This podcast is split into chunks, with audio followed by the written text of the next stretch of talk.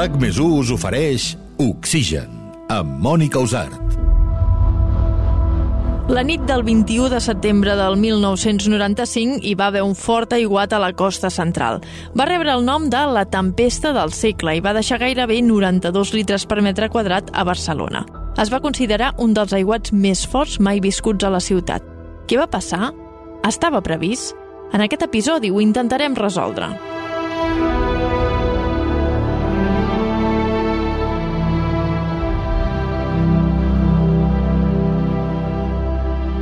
En aquest episodi, la tempesta del segle.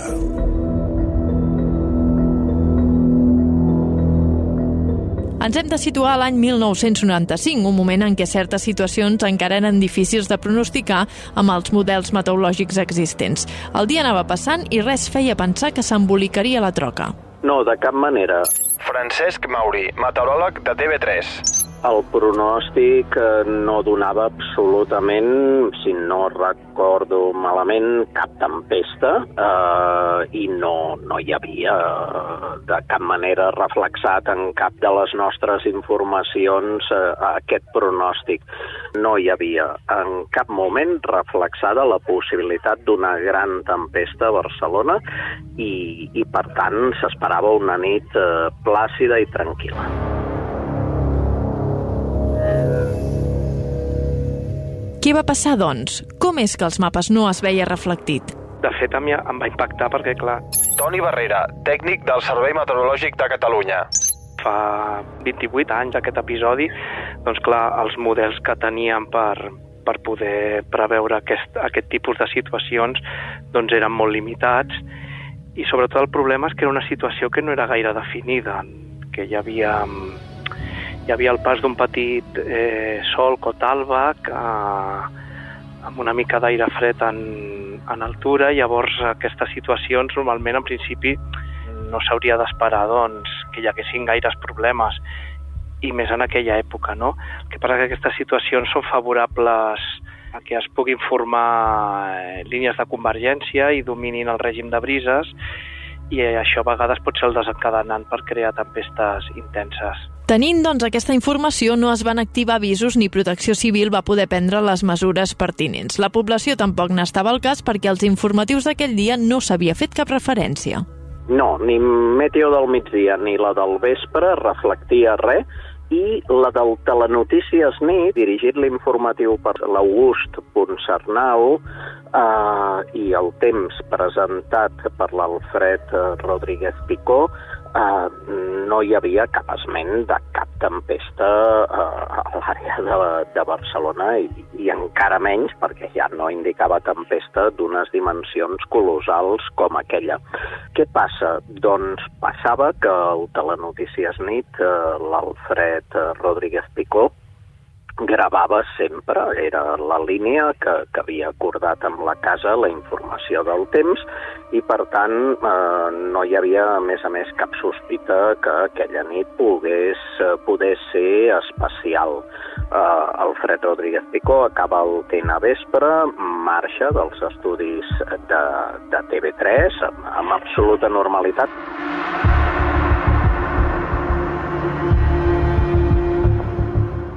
Primer vaig entrar a la Guàrdia Urbana eh, per allò de casualitat, eh? No era...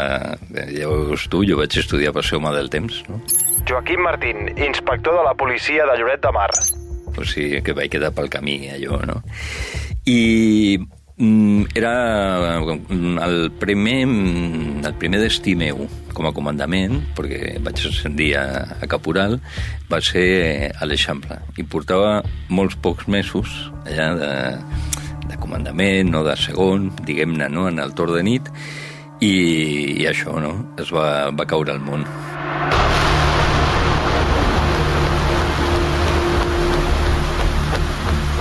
Les precipitacions van començar cap a dos quarts de nou del vespre a diferents punts de la Costa Daurada i la costa de Barcelona. Aquí està plovent eh, molt fort, es veia una pluja molt freda, una sensació, saps, de, de fredor molt important, que, que era la, la, la curiositat, no?, de, per exemple, recordo que la, a la tarda, que que, que jo estava per casa i havia de fer alguna cosa amb, el, amb els amics i hi havia unes ventades rescalfades, una cosa d'elles, ui, ui, ui, ui, saps? Que això, mm, a veure on està caient, mm, fort, no? Quan, quan veus aquest vent retxellat i rescalfat, que no saps de per on ve, no? però bastant fort. Mm, ja quan vas anar a treballar, va haver una calma rara, eh? vas anar a treballar, però ja començava a, a ploure, i després ja dit de la, de la foscor de, de, de la ciutat doncs ja veus que, que començaves a, a dir aquí està plovent fort. El Joaquim no estava al cas del que passaria i per això no havia ni ordenat als seus que portessin roba per protegir-se de l'aigua. En Francesc Mauri era a casa seva i allà no hi queia ni una gota. Jo estava a casa meva, a Cerdanyola del Vallès, a l'altra banda de Collserola, i crec recordar que no queia ni una gota ni va caure. Aleshores, jo no, no em vaig ser conscient en un primer moment. Jo crec que en aquell moment jo ja tenia mòbil. L'any 95, primer mòbil que va costar de segona mà 110.000 pessetes, és a dir, uns 600 euros actuals. I clar, no, no, no hi havia internet, no, no, no sabies les coses de cop i volta eh, va ser al cap de, de bastanta estona que, que me'n vaig assabentar i que hi havia hagut doncs, una gran tempesta coincident amb, diríem, l'estructura Collserola Port de, de Barcelona. És a dir, el nucli màxim, si no recordo malament, es dona entre plaça Universitat i plaça Lesseps, i, i en aquest eix. El vespre anava avançant i la pluja no parava. Era una cortina d'aigua que no deixava veure res. Davant d'aquest escenari, des de TV3 van intentar localitzar el meteoròleg per refer la informació del temps. Hem de tenir en compte que era setembre del 95 i tot just feia un any eh, que la telefonia mòbil de la mà de Mobiline, eh, la, la companyia de telefonia de telefònica, eh, doncs havia arribat i per tant el, els telèfons mòbils eh, sí, existien però eren minoritaris. En aquella nit cau la tempesta, no es localitza el Fred Rodríguez Picó i es comet un error garrafal que ve de la direcció del Telenotícies Nit, que és emetre igualment la informació del temps. Ja havia passat la tempesta del segle i, i s'emet una informació gravada feia una pila d'hores eh, per decisió del director del Telenotícies Nit. Per tant, Bé, la pífia, evidentment, és eh, editorial, de la direcció editorial, eh, no pas, en aquest cas, del meteoròleg que, que havia marxat i sí que, evidentment, en el Telenotícies Vespre no havia contemplat, això sí, eh, aquest, aquesta informació. Oxigen. Oxigen.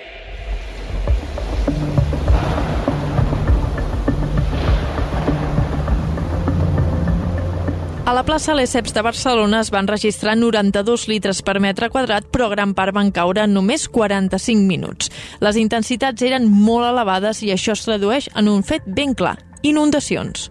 Ja van començar a precipitar-se les coses. Joaquim Martín, inspector de la policia de Lloret de Mar.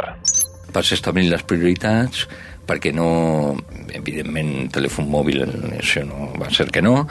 El que sí que van començar pues, eh, apagades de semàfors, van començar a caure bueno, eh, aquestes cosetes que van donant les prioritats i el que no va fallar va ser la ràdio. Eh? Ho recordo perfectament, perquè la ràdio de, de policia i la ràdio normal anaven per tant, tu en el cotxe estaves comunicat.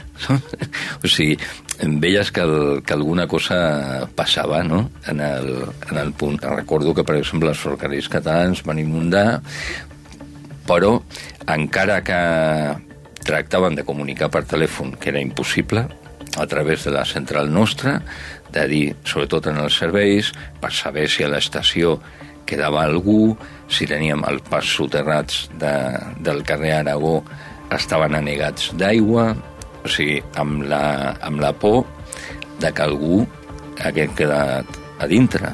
Els baixos de les cases s'inundaven, els aparcaments també, i els carrers es van convertir en torrents que van arrossegar tot allò que van trobar. En un cert moment va arribar la pitjor notícia d'aquella nit.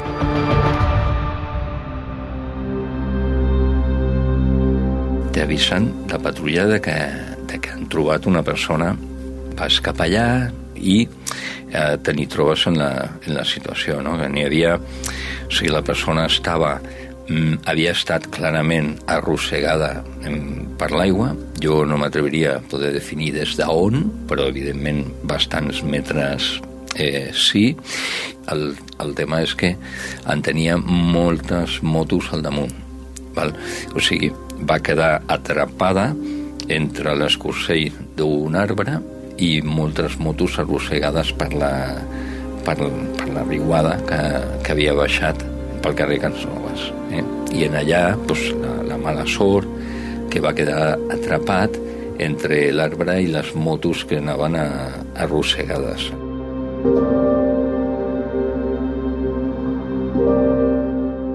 Aquella tempesta va deixar una víctima mortal arrossegada per l'aigua que baixava per un dels carrers que es va convertir en un torrent. Cal recordar que la ciutat està construïda en una zona on antigament més d'una vintena de rieres i torrents principals conduïen les aigües pluvials des de la Serra de Collserola fins al mar. Segons l'informe fet pel Servei Meteorològic de Catalunya, en aquest episodi la intensa precipitació sobre el Pla de Barcelona va desbordar la xarxa de clavegaram de la ciutat, recuperant molts carrers la seva antiga funció de riera o torrent. De fet, ja feia temps que aquest problema s'havia plantejat. Cap a l'any 92, l'Ajuntament de Barcelona ja va començar a iniciar un projecte de millora del, del clavegaram. Gemma Bernet, cap del Servei d'Explotació de Barcelona Cicle de l'Aigua que no només eh, volia incloure millores a nivell d'infraestructura, sinó també incloia eh, millores des del punt de vista tecnològic i de gestió. I per això es van començar a planificar una sèrie de, de grans eh, actuacions, principalment la construcció de, dels apiris pluvials. També eh, a partir del 93 es van començar a instal·lar a Barcelona eh, una sèrie de sensors de pluja, de pluviòmetres en diferents punts de la ciutat i alguns sensors de, de xarxa de clavegaram, és a dir, sensors que mesuren el nivell d'aigua que, que passa pel clavegaram. El clavegaram no estava preparat per rebre tanta aigua. Les primeres corrents, aquelles de, de, de, de, de rierades no?, que es produeix tant en superfície com, com per sota. Joaquim Martín, inspector de la policia de Lloret de Mar. Ja tenies identificats les clavegueres que sortien disparades. O sigui, i el problema el dany que pot fer, saps? que aquella nit eh, jo recordo una claveguera, una tapa de, de claveguera de, de Sant Pau, o sigui, Ronda Universitat, per entendre'ns, i la claveguera anar més de 100 metres, però no sabíem on estava la tapa de claveguera, no? amb el que pesa això. Per tant, totes les que s'anaven aixecant i anaven llançant-se per allà, el problema venia quan has de recuperar la normalitat perquè són uns forats espectaculars. Amb les eines que hi havia es podia fer un seguiment de la pluja que queia, però no hi havia cap sistema que en reduís els efectes. Durant aquest episodi, del setembre del, del 95... Gemma Bernet, cap del Servei d'Explotació de Barcelona Cicle de l'Aigua. Si es disposava d'informació pluviomètrica de, de l'episodi i d'algun sensor de, de clavegaram, però encara no estava construïda cap d'aquestes millores eh, que s'estaven planificant. Llavors, com es va, va viure? Doncs, doncs això, no? es va tenir coneixement, es seguia la pluja, es tenia coneixement de tots els punts de la ciutat més o menys que estaven tenint problemes, però diguem que en aquell moment no hi havia infraestructures i actuadors, actuadors als dipòsits, comportes, que permetessin regular tot aquest cabal d'aigua. Llavors van haver punts crítics de la ciutat on, on hi van haver problemes importants. Oxigen.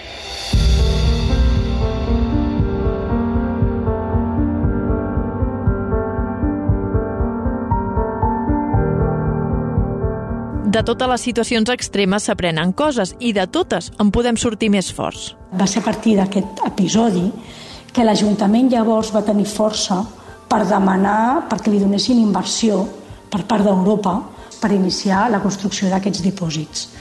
De fet, eh, els tres primers dipòsits pluvials es van construir en zones que sobretot protegien aquelles zones en les que, en les que l'any 95 hi van haver problemes. Llavors es va iniciar la construcció d'aquests dipòsits pluvials a l'any 97.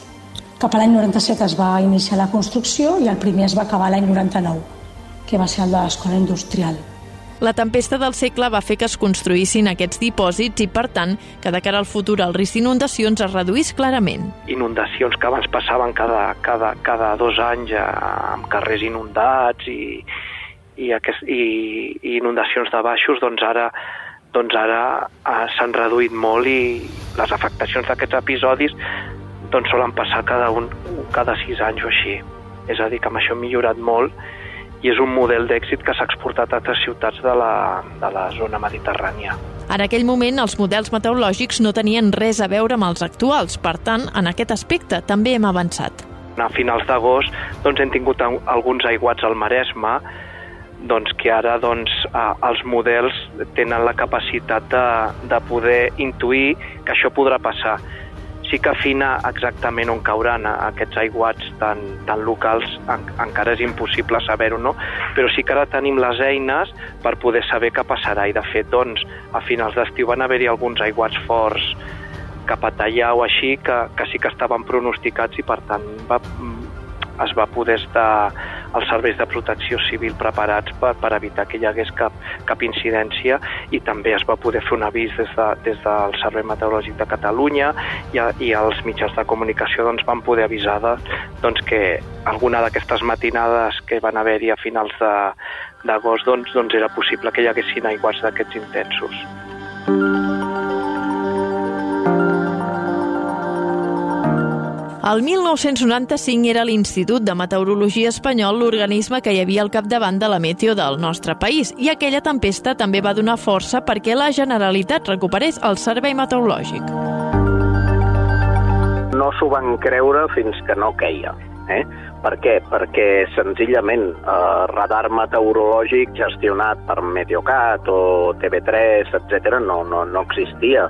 Meteocat no existia, només hi havia l'Agència Estatal de Meteorologia amb el radar, diguem, olímpic. I, i el Meteosat sí que, que, que es veia una cèl·lula just davant de la costa que, que, que s'acaba ampliant i acaba enganxant doncs, un tros, reitero, eh, això d'un tros de Barcelona va ser que, que, que, que ens ho vam menjar amb patates, eh, literalment. Les eines de predicció sense radar, o com a mínim un radar molt precari en aquell moment, sense estacions automàtiques, per tant, era una meteo bastant més avançada que la dels anys 80, però encara amb sabata i espardenya respecte a l'actual.